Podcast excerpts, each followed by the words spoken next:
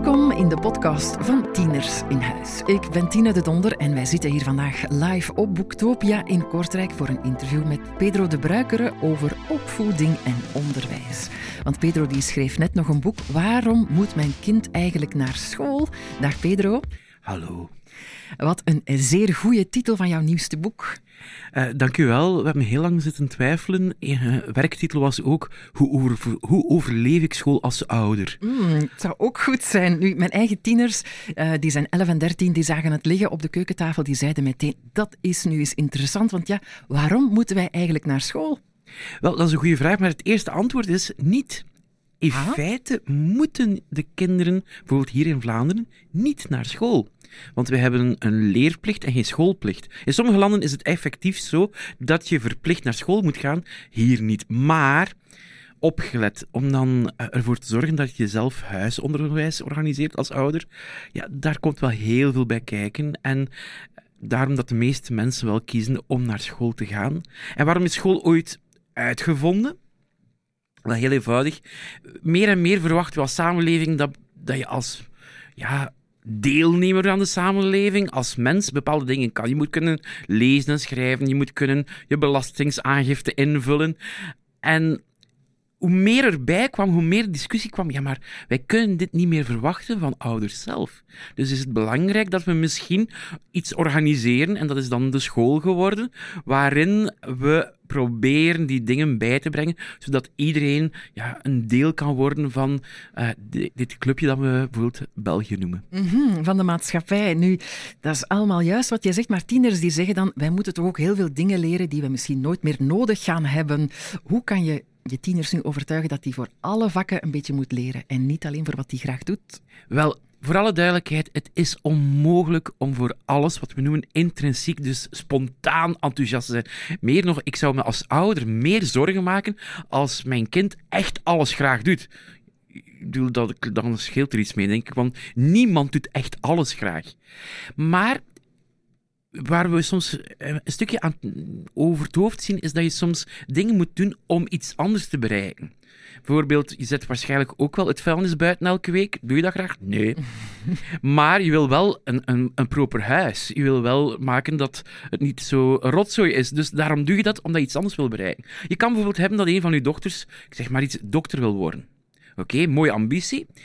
Maar om dokter te worden is het ook belangrijk dat je goed bent in wiskunde.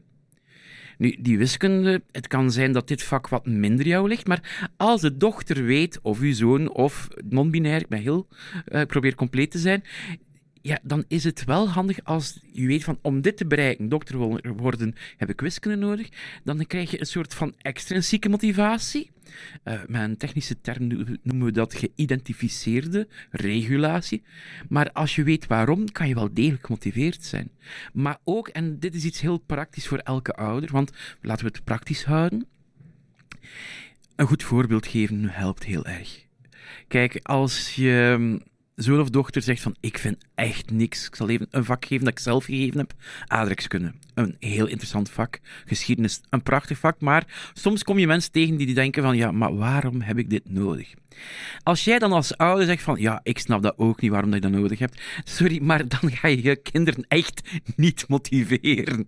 Dus het goede voorbeeld geven, daar begint het wel natuurlijk.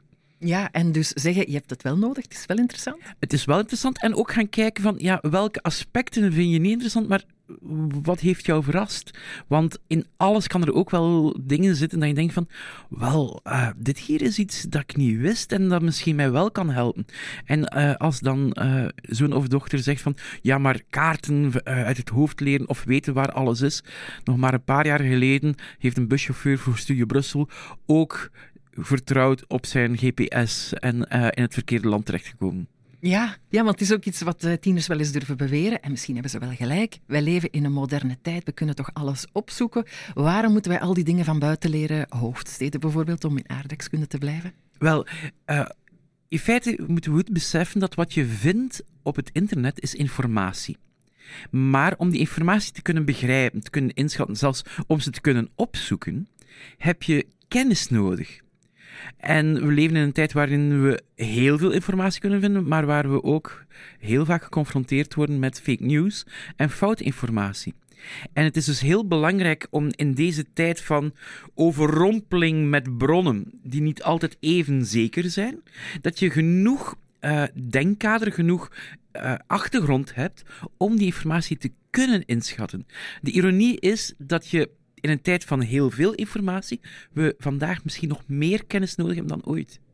En is dat dan iets wat ze leren op school? Gaat er genoeg aandacht naar? Wel, we zien nu, dat is heel actueel, merken we dat er een hele discussie nu bezig is. Uh, er wordt gewerkt aan de nieuwe eindtermen, sorry, minimumdoelen gaan ze nu heten, voor de basisschool, voor het uh, lagere school en voor de kleuterklas.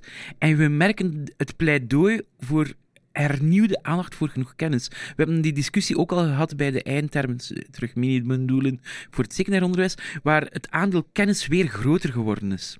Nu, opgelet, veel is kennis. Ik zeg maar iets, als jij uh, kritisch wil zijn, kritische houding, dat klinkt als een attitude en dat is het ook. Maar een, een kritische houding zonder achtergrondkennis, dat noemen we gewoon lastig doen. Dat is niet hetzelfde als een echte kritische houding. En die dingen leer je dus op school? Die zouden we toch zeker op school moeten leren, ja. Ja, en wat met ChatGPT? Um, tieners gebruiken dat vaak meer dan hun ouders, die weten er al meer. Ja, ik, ik heb trouwens uh, een onderzoek van een paar weken gelezen, het was wel een, een buitenlands onderzoek, dat leerkrachten vaker ChatGPT gebruiken dan de leerling. Ah. Uh, in de voorbereiding. En voor alle duidelijkheid, ik denk, nee, ik weet ook als we kijken naar wat er internationaal daarover uh, nu bezig is, we moeten onze kinderen daar leren mee omgaan. In feite, ik raad mijn eigen studenten raad ik aan om ChatGPT te gebruiken als een soort van spellingcontrole 2.0, 3.0, om die tekst te verbeteren, meer leesbaar te maken. Maar tegelijkertijd waarschuwen we ook dat uh, ChatGPT hallucineert. Nee, serieus.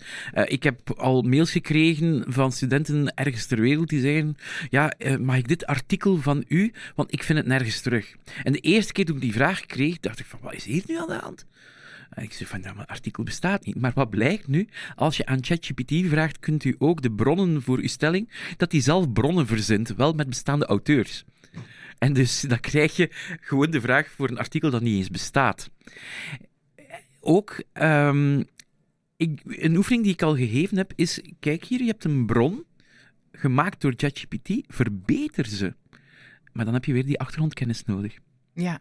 Oké, dus het wordt wel al gebruikt in het onderwijs. Uh, ja, als we kijken, artificiële intelligentie wordt gebruikt. We zitten nog aan het begin. Uh, er lopen op dit moment verschillende experimenten om bijvoorbeeld teksten van uh, leerlingen te beoordelen aan de hand van ChatGPT of gelijkaardige tools.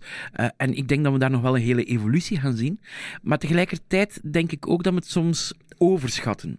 Het, het, is indrukwekkend, ik weet het, maar het, het blijft natuurlijk een taalkundig, ja, een, een, rekenmodel in feite, die niet begrijpt wat het aanlevert. Mm -hmm. Nu, voor ons, het is niet zo van onze generatie, maar onze kinderen zijn het heel hard aan het gebruiken, de tieners ook. Um, wat als je tiener zegt, ah, ik gebruik voor mijn huiswerk ChatGPT en hopelijk wordt het niet ontdekt, hoe moet je daar nu goed op reageren? Wel, uh, dat ChatGPT dan punten krijgt, maar jij niet. En het gevolg is dat je dan geconfronteerd, als je dan geconfronteerd wordt met een, een test op het einde van de rit en jij hebt het werk niet gedaan, waardoor dat jij niet geleerd hebt, dan ga je ofwel dan nog heel veel moeten leren, maar dat is niet echt haalbaar, ofwel ga je dan door de mand vallen. En zijn dat dan dingen die we kunnen zeggen aan onze tiener? Hebben uh, die daar oor naar? Wel, je moet gewoon gaan kijken van... Uh, we weten dat de agenda's van onze tieners heel vol zitten.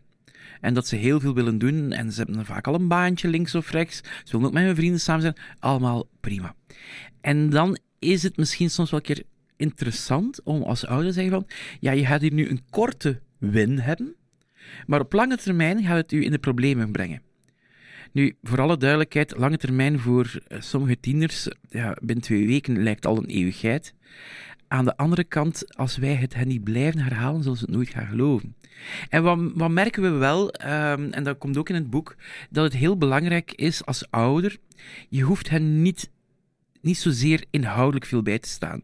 Want dan bestaat weer het gevaar dat jij veel leert en uw tiener niet.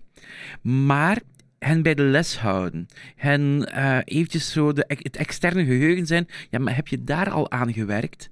Ja, dat is wel belangrijk. En als we gaan kijken naar, naar aanbevelingen die nu internationaal gepubliceerd worden over hoe ga je om met artificiële intelligentie en vals spelen, ja, dan blijkt de menselijke factor, de band die je hebt, het aanspreken op eerlijkheid, effectiever dan bijvoorbeeld een tool te gebruiken om te ontdekken of er vals gespeeld is.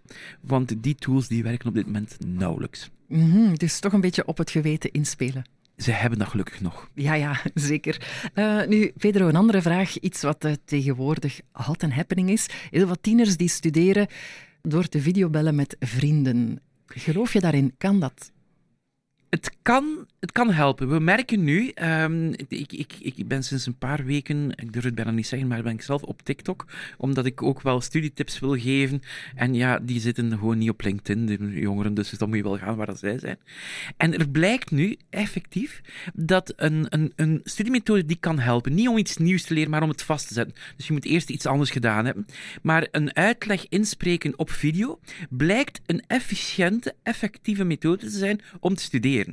Maar, en dit ga je misschien verbazen, uh, het is feitelijk misschien zelfs slimmer om net niet te bellen, maar het gewoon op te nemen, dan te bellen. Het bleek namelijk ietsje effectiever als er geen echt publiek is, omdat je dan misschien wat minder gaat aarzelen. Um, aan de andere kant weten we al heel lang, langer dan vandaag, dat uh, in het leerproces, dus niet als je dat alleen doet, het is een, een, een onderdeel van verschillende stappen in het leren, dat dingen aan elkaar uitleggen wel kan degelijk helpen om dingen te onthouden. Ja, dus je mag dat best toestaan aan je tiener. Ja, maar dan zou ik wel zeggen: kijk, probeer een bepaald moment af te spreken dat je dat doet.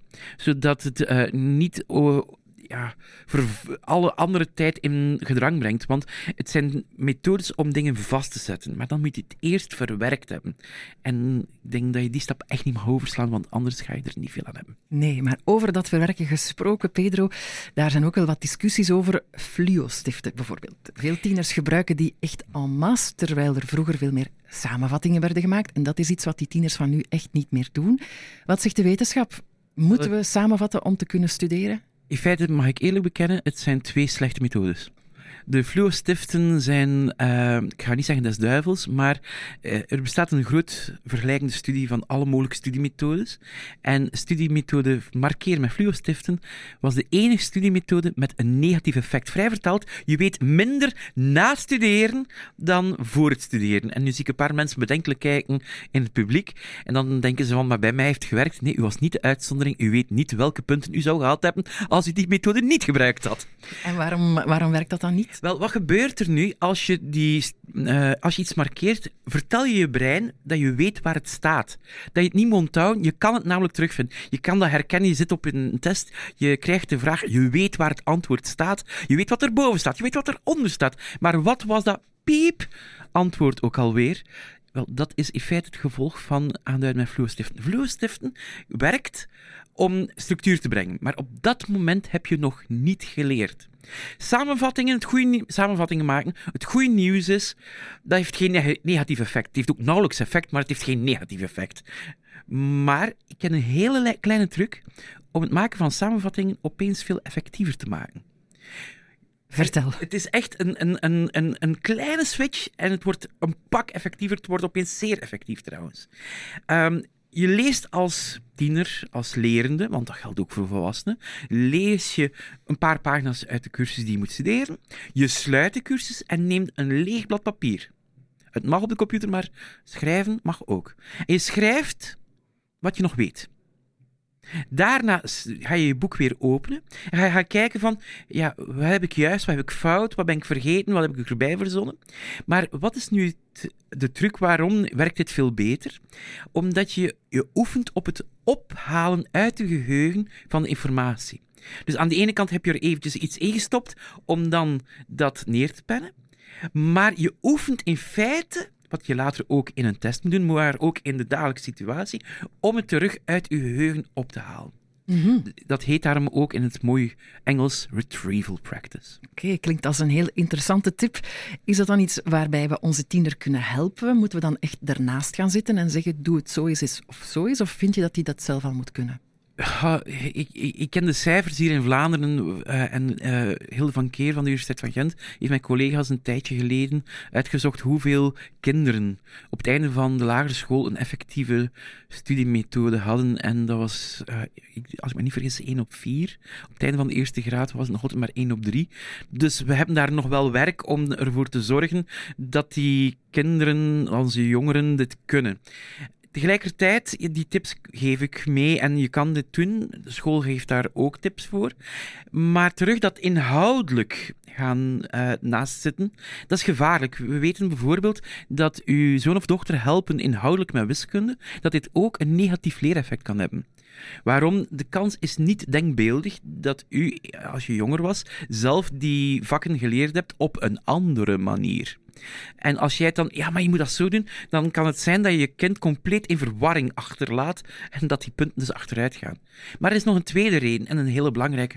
Um, als we gaan kijken, bijvoorbeeld helpen met huiswerk.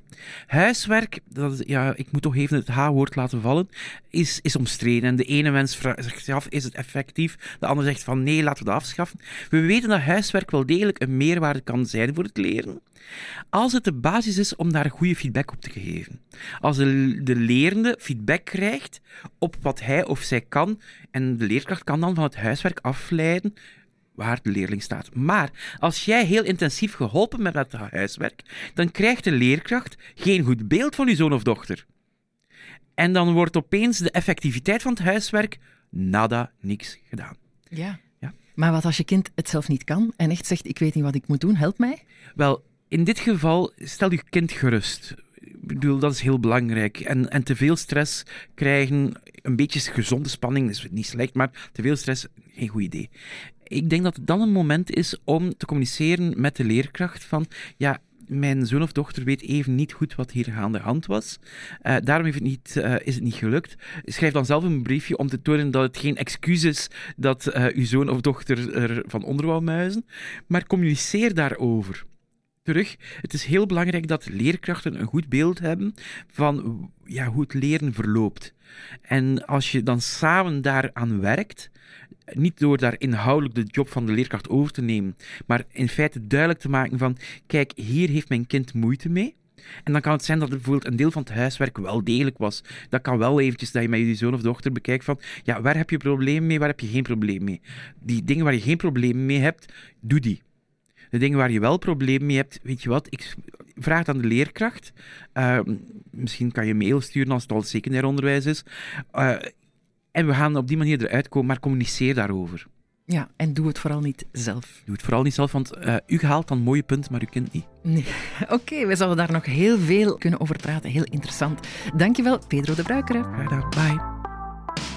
Je luisterde naar een speciale aflevering van de podcast van Tieners in Huis, naar aanleiding van Boektopia in Kortrijk. Interview en montage waren in handen van mezelf, Tine de Donder. Volg zeker Tieners in Huis op Facebook of Instagram voor meer advies en tips van experten en herkenbare verhalen van andere ouders. Heel graag tot de volgende keer.